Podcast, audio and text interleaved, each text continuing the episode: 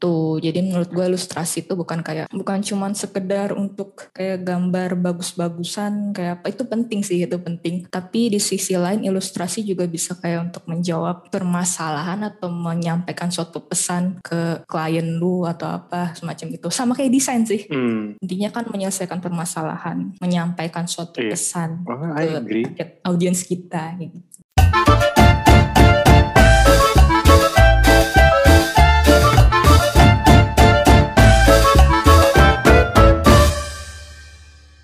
Anjay, halo guys, balik lagi di Jupstock Session bersama gue Juan Sebastian.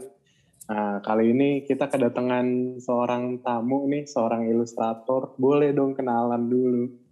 Halo semua, jadi nama gue Feby. Sekarang gue menjabat sebagai desainer slash illustrator di Studio York.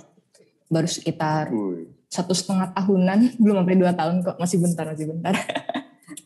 Jadi lu selain ini, kan ilustrator dan desainer, lu art director juga kan ya? Art director lebih kayak ke ini sih, kalau misalkan klien kita suatu brand ada minta request photoshoot, jadi gue yang Hmm. ngedirect photoshootnya mau kayak gimana. Tuh. Oh, Biasa tuh per bulan, per brand satu photoshoot untuk kebutuhan sosial media mereka. hmm. Itu.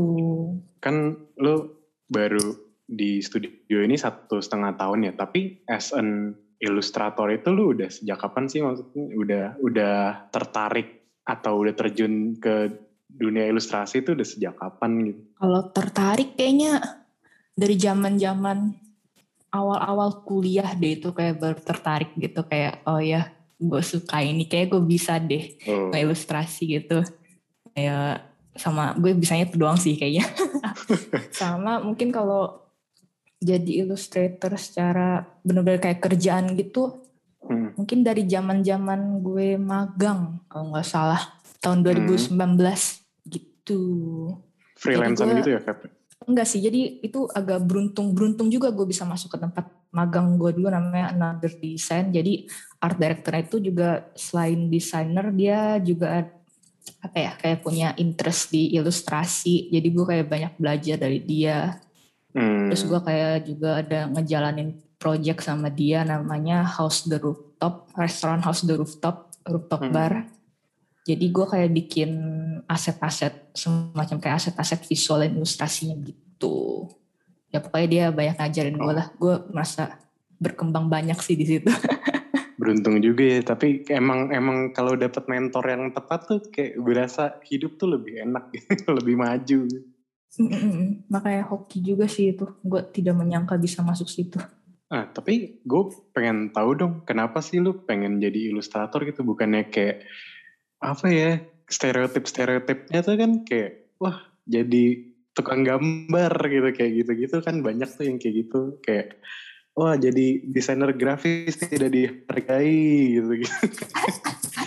kenapa gitu? Oh, mungkin pas awal-awal gue kuliah gue kayak melihat ilustrasi kayak cuman nggak cuman sih kayak gue mikir kayak oh gila ini bagus banget keren banget gue pengen dia bisa bikin yang sekeren ini tapi kayak semakin lama gue mendalami ilustrasi gue kayak karena gue interestnya di editorial illustration mungkin kalau tahu kayak misalkan kalau ada majalah-majalah kayak New York Times segala macam mereka kan Hmm, suka hmm, pakai hmm. ilustrasi tuh di Oh. covernya itu namanya editorial illustration gitu jadi menurut gue ilustrasi itu bukan kayak bukan cuman sekedar untuk kayak gambar bagus-bagusan kayak apa itu penting sih itu penting tapi di sisi lain ilustrasi juga bisa kayak untuk menjawab permasalahan atau menyampaikan suatu pesan ke klien lu atau apa semacam itu sama kayak desain sih Hmm. intinya kan menyelesaikan permasalahan menyampaikan suatu Iya. pesan Oh, ke audiens kita gitu. Anjay. Gila. Beda banget ya. Dulu waktu masih mahasiswa sama sekarang udah kerja tuh kayak bijaknya lebih tinggi gitu. Masih ini juga gue masih banyak harus ini. kan pendengar di podcast ini banyak yang masih apa ya masih mahasiswa nih Feb. Kayak gue pengen nanya nih biar lu bisa eh, cerita juga kalau as an illustrator tuh sistem kerjanya gimana lu di sana di studio? Apakah cuma kayak karena kan yang setahu gue di kampus cuma diajarin lu dapat brief kerjain ACC ACC revisi kelar gitu. Apakah seperti itu atau ada yang wah gue nggak pernah mengalami ini nih di kampus gitu? Kayaknya lebih ke ini sih apa ya kalau di dunia kerja kan dunia kerja lagi keren banget ya bahasanya. Kalau pas di keren banget. Anjay kalau pas di kayak lingkungan kerja gitu kan kita kayak punya tanggung jawab untuk memenuhi apa yang klien mau ya. Sama idealisme mm kita idealisme kita sendiri. Jadi mungkin tantangannya kayak lebihnya imbangin idealisme lu sama apa yang klien mau gitu. Itu mm. lumayan susahnya di situ sih. Kalau di kuliah kan lu kayak mungkin dosen kayak kasih lu ini nih apa terus lu kasih ini terus dosen kayak oke okay gitu kayak kurang karena gue ini ya tapi kayak mungkin kayak agak kurang dikritisi gitu. Oh, oh. Iya, kayaknya kalau waktu dulu kuliah cuma kayak iya sangat idealis ya kayaknya ya. Mungkin kalau pas kuliah kayak saat-saat yang tepat untuk lu kayak bereksperimen mencoba-mencoba segala ini. Iya kayak just, meningkatkan sense visual atau segala macam kayak gitu lah. Lu gimana? Mm-hmm. Kalau misalkan nah, pengalaman lu di, kan lu ini ya pernah magang di advertising agency ya. Pas lu di situ kayak ada pernah mereka kayak pernah outsource seorang ilustrator atau apa-apa gitu. Hmm. Project lu atau mereka in-house ini ini. Kalau dulu sih, kalau dulu waktu gue magang sih enggak, tapi sekarang pas sudah kerja pernah ada freelance. Tapi dia freelance ini sih graphic designer gitu. Oh. Tapi bukan ilustrator.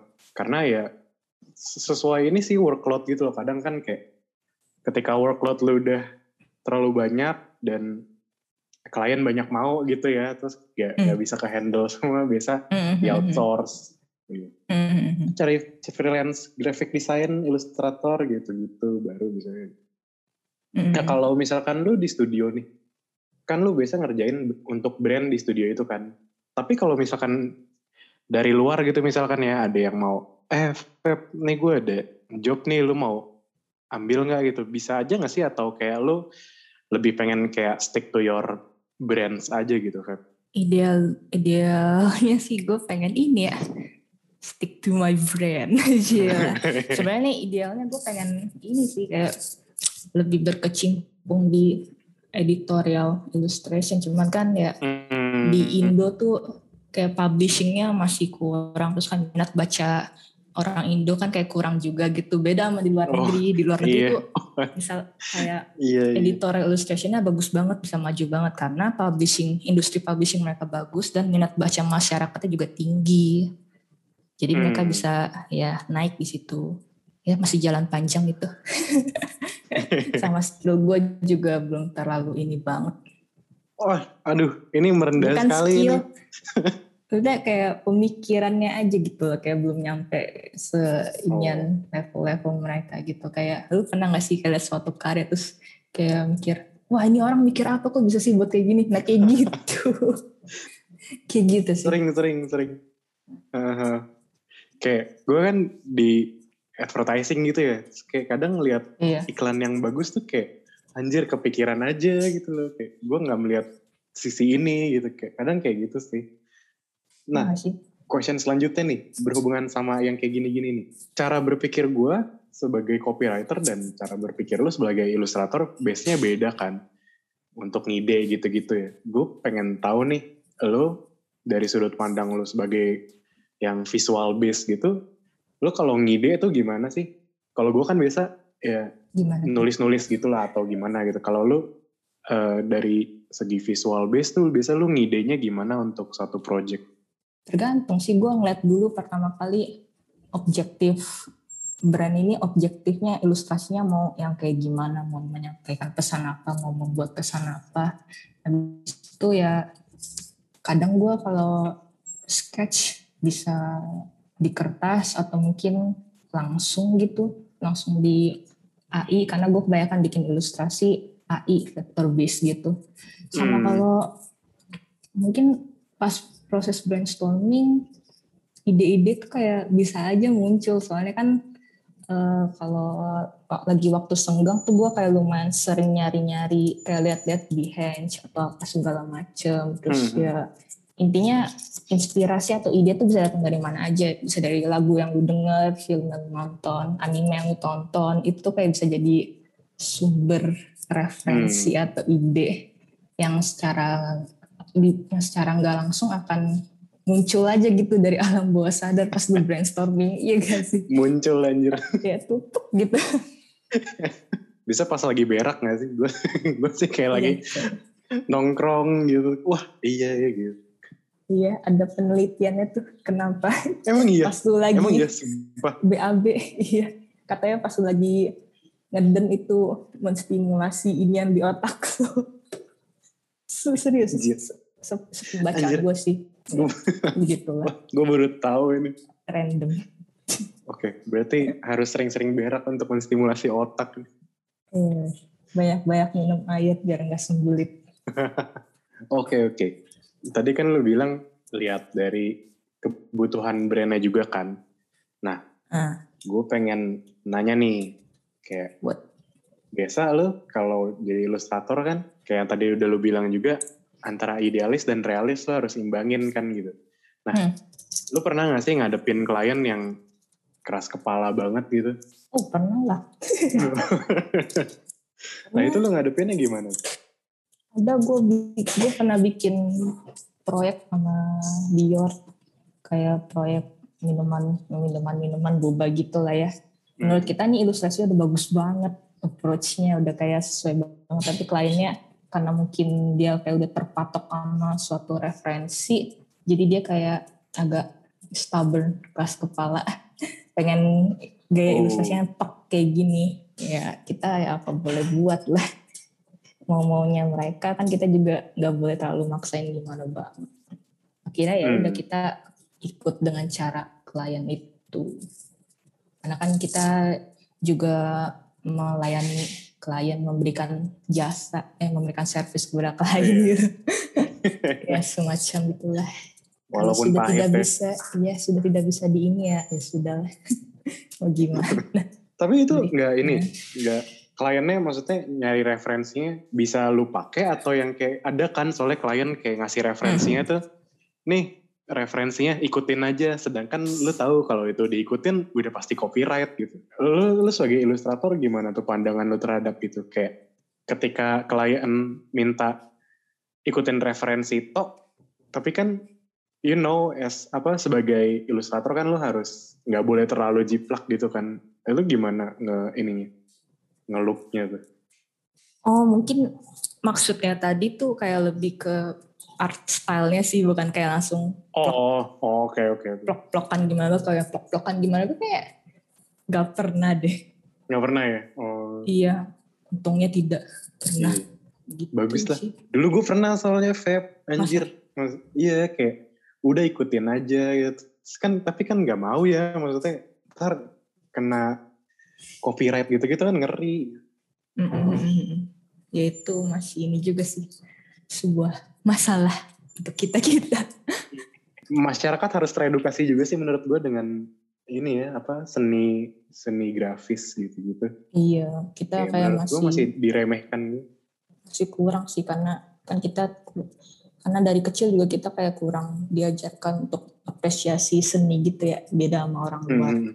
Orang-orang luar tuh mayoritas dari kecil emang udah diajarin kayak apresiasi seni jadi mereka kayak bisa menghargai gitu itu menurut gue yang pernah gue baca juga. Hmm. itu uh, ada satu problem juga nih yang mau gue address nih. Kan biasa kita sebagai pegiat kreatif nih ya ada saat-saatnya kita menentukan nih art block lah ya mainstreamnya. Gimana gimana caranya lu mengalahkan art block itu? Kayaknya yang kayak gitu wajar deh. Maksudnya emang ya lagi fasenya aja kayak gitu tuh normal sebenernya menurut gue kayak ya mending lu nggak usah kayak stresin aduh gue art block gimana gimana ya? Hmm. ya udah kalau art block ya ya emang itu waktunya untuk rehat dulu. Ya oh, sih ya daripada lu nanti pengen itu gimana nih cara gue nggak art block gimana nih gimana nih? Nanti lu stres sendiri malah itu bener sih bener sih. Oh ya kan? Harus disadari ya itu. Menjalani hidup seperti yang seharusnya.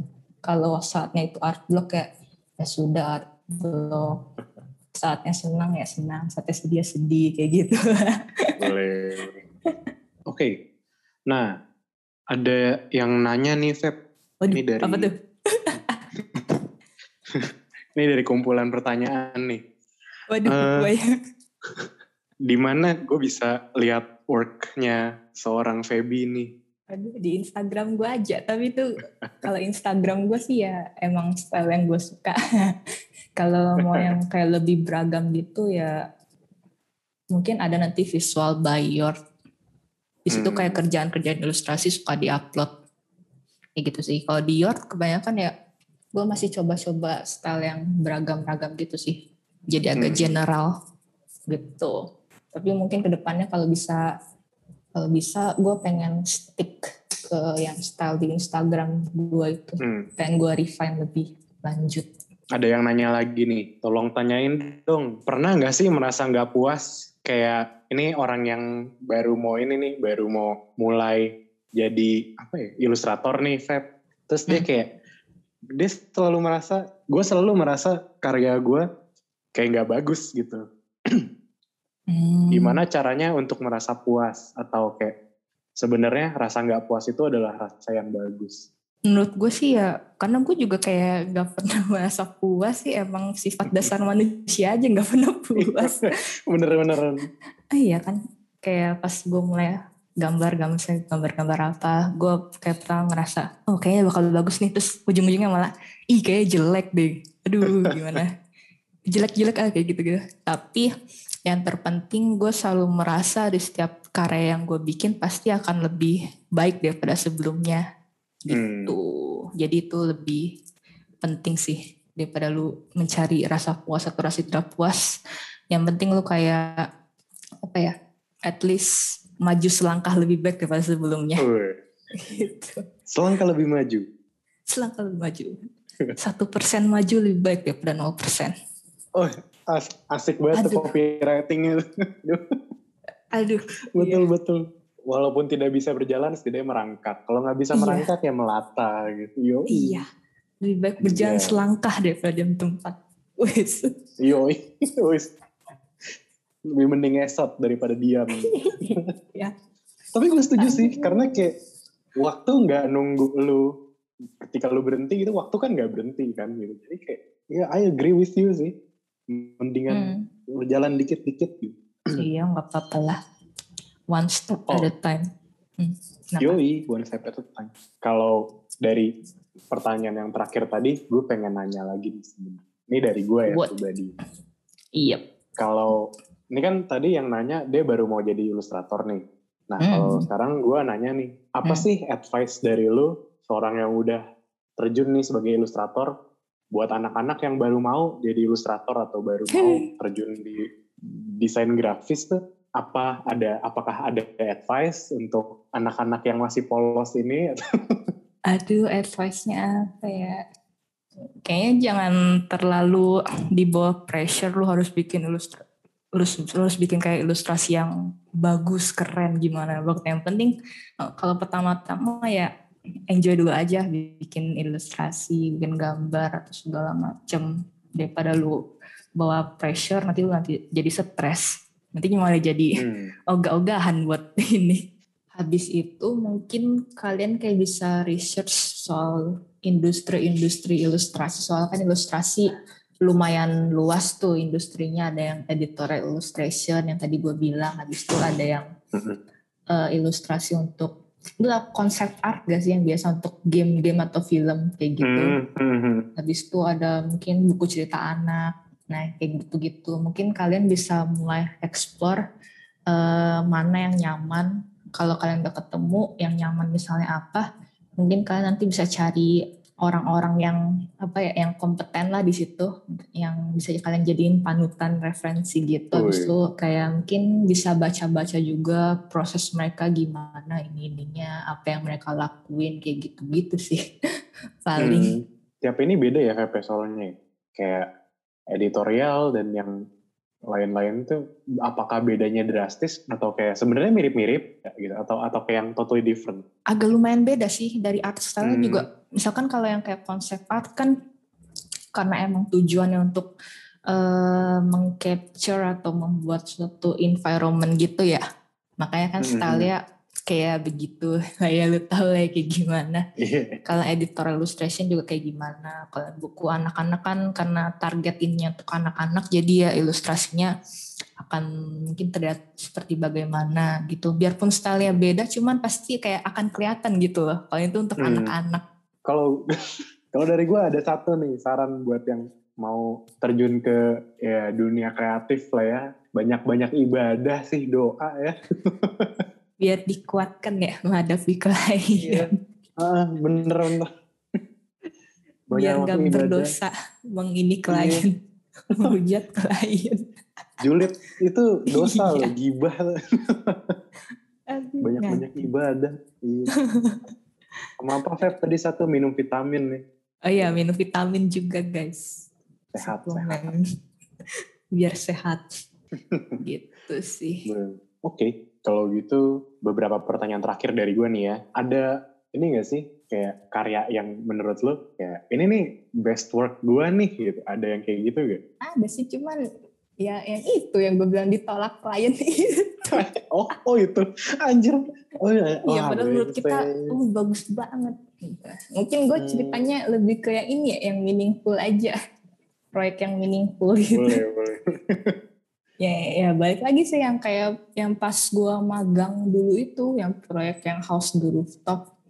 Hmm. Ya, karena kan gue dulunya kayak cuma anak magang gitu, habis itu ya sama bos gue kayak diajarin lah ini ini ini seputar ilustrasi dunia ilustrasi dunia desain segala macem gue kayak dapat banyak insight baru dari segi pribadi sama dari segi kerjaan gue kayak naik gitulah kayak meningkat Hmm. Seusai periode magang itu nah gue ditawarin tuh buat freelance eh freelance di part time part time jadi pas gue TA tuh gue sekalian juga part time ini yang proyek house the rooftop itu seneng aja gitu gue bisa belajar banyak sama di appreciate sama bos gue dulu itu Kalau misalkan itu kan best work lu nih. Ah, Ada iya. nggak sih kayak apa ya? Bukan bukan karya paling buruk sih, tapi lebih tepatnya mungkin kayak, apakah lu pernah merasakan kayak wah kayaknya gagal nih gitu kayak gitu-gitu selama lu jadi ilustrator ini. gagal ya? Gagal dalam inian gimana ya? Mungkin kalau kayak gimana ya? Mungkin tidak memenuhi standar yang gue mau tadi gitu. Mungkin bisa gitu kayak Iya. yang, yang, yang lu, lu merasa kayak wah kayaknya kurang nih kayak ya yang lu bilang sih mungkin ini kurang ya gitu. Kayak lu merasa kurang tapi mau Hmm. nggak mau harus di deliver gitu. pasti ada sih kerjaan-kerjaan yang tidak memenuhi sesuai standar gue tapi yang penting eh, itu di mata gue kurang layak tapi di mata klien masih layak dan tetap menyampaikan pesan atau objektif kayak gitu Hmm. yang penting itu sih sebenarnya Asal bapak senang sih ya sebenarnya. iya iya iya kalau misalkan lu udah merasa nih kayak bakal gagal nih atau kayak kayak bakal kurang nih. Gimana caranya lu bounce back from that gitu? Apakah lu akan terus kayak gimana ya apa gimana caranya lu menghadapi kegagalan itu gitu? Kalau ngerasa hampir gagal ya kayak mungkin mentok gitu kali ya. Mm-mm. gimana ya kayak jalanin ya? aja jalanin kayak jalanin aja kayak pasti nanti akan ketemu percaya sama gue kayak akan ketemu jalannya gitu. Serius bener-bener. Kayak agak susah dijelaskan sih ini. Hmm. ya tetap mencoba untuk deliver yang terbaik aja. Karena pasti lo akan menemukan jalannya. Nanti pasti lo akan merasakannya kok ya bener. Oke oke. Oke terakhir nih. Kalau bisa ngasih satu kalimat untuk para pendengar nih tentang Oh. ilustrasi kira-kira apa ya, mungkin kayak gue kayaknya nggak tahu deh harus bakal jadi apa kalau nggak jadi ilustrator. Kayak mungkin kayak itu cuman hal yang gue bisa. Eh lah kayak soalnya kalau kayak bikin ilustrasi tuh apa ya pas gue kerjain kayak gimana ya kebayang aja gitu kayak udah kebayang jalan-jalannya gimana. Beda kayak beda sama kalau misalkan gue bikin logo atau apa itu kayak masih kayak masih macet-macet gitu. Gitu. Iya. Iya, kalau kayak mungkin ilustrasi, gue kayak bisa mendapat sedikit gripnya lah, kayak bisa langsung Oh. gitu. Bisa dibilang passion gak sih, Feb? Gitu. Menurut lo apakah itu passion? Hmm, Iya bisa, sesuatu yang sangat gue enjoy sih. Oke Den, paling gitu aja sih dari gue. Kalau konklusi dari gue, dari percakapan kita ya, Hmm. jalanin aja dan ya do what you do, but do it with passion kalau bisa. Menurut gue seperti itu mungkin. Gimana Anda setuju? Iya, do what you do, jangan memaksakan diri, jangan terlalu terburu-buru lah. Gak ada yang ngejar juga kok. Tidak ada yang harus lu menangkan juga sebenarnya. Ada dikejar, Feb, dikejar tagihan gitu. ya. Aduh iya ya dikejar Tuntutan, tagihan. tuntutan menikah, ya. Lu ya, Aduh. lu kali itu mah. Lu kejar ya, tuntutan menikah. Kejar gue, dikejar. Parah. Kayak, kayak maraton gue sekarang nih, hidup tuh kayak gak senang. Kapan, Ju? Waduh, Aduh. waduh.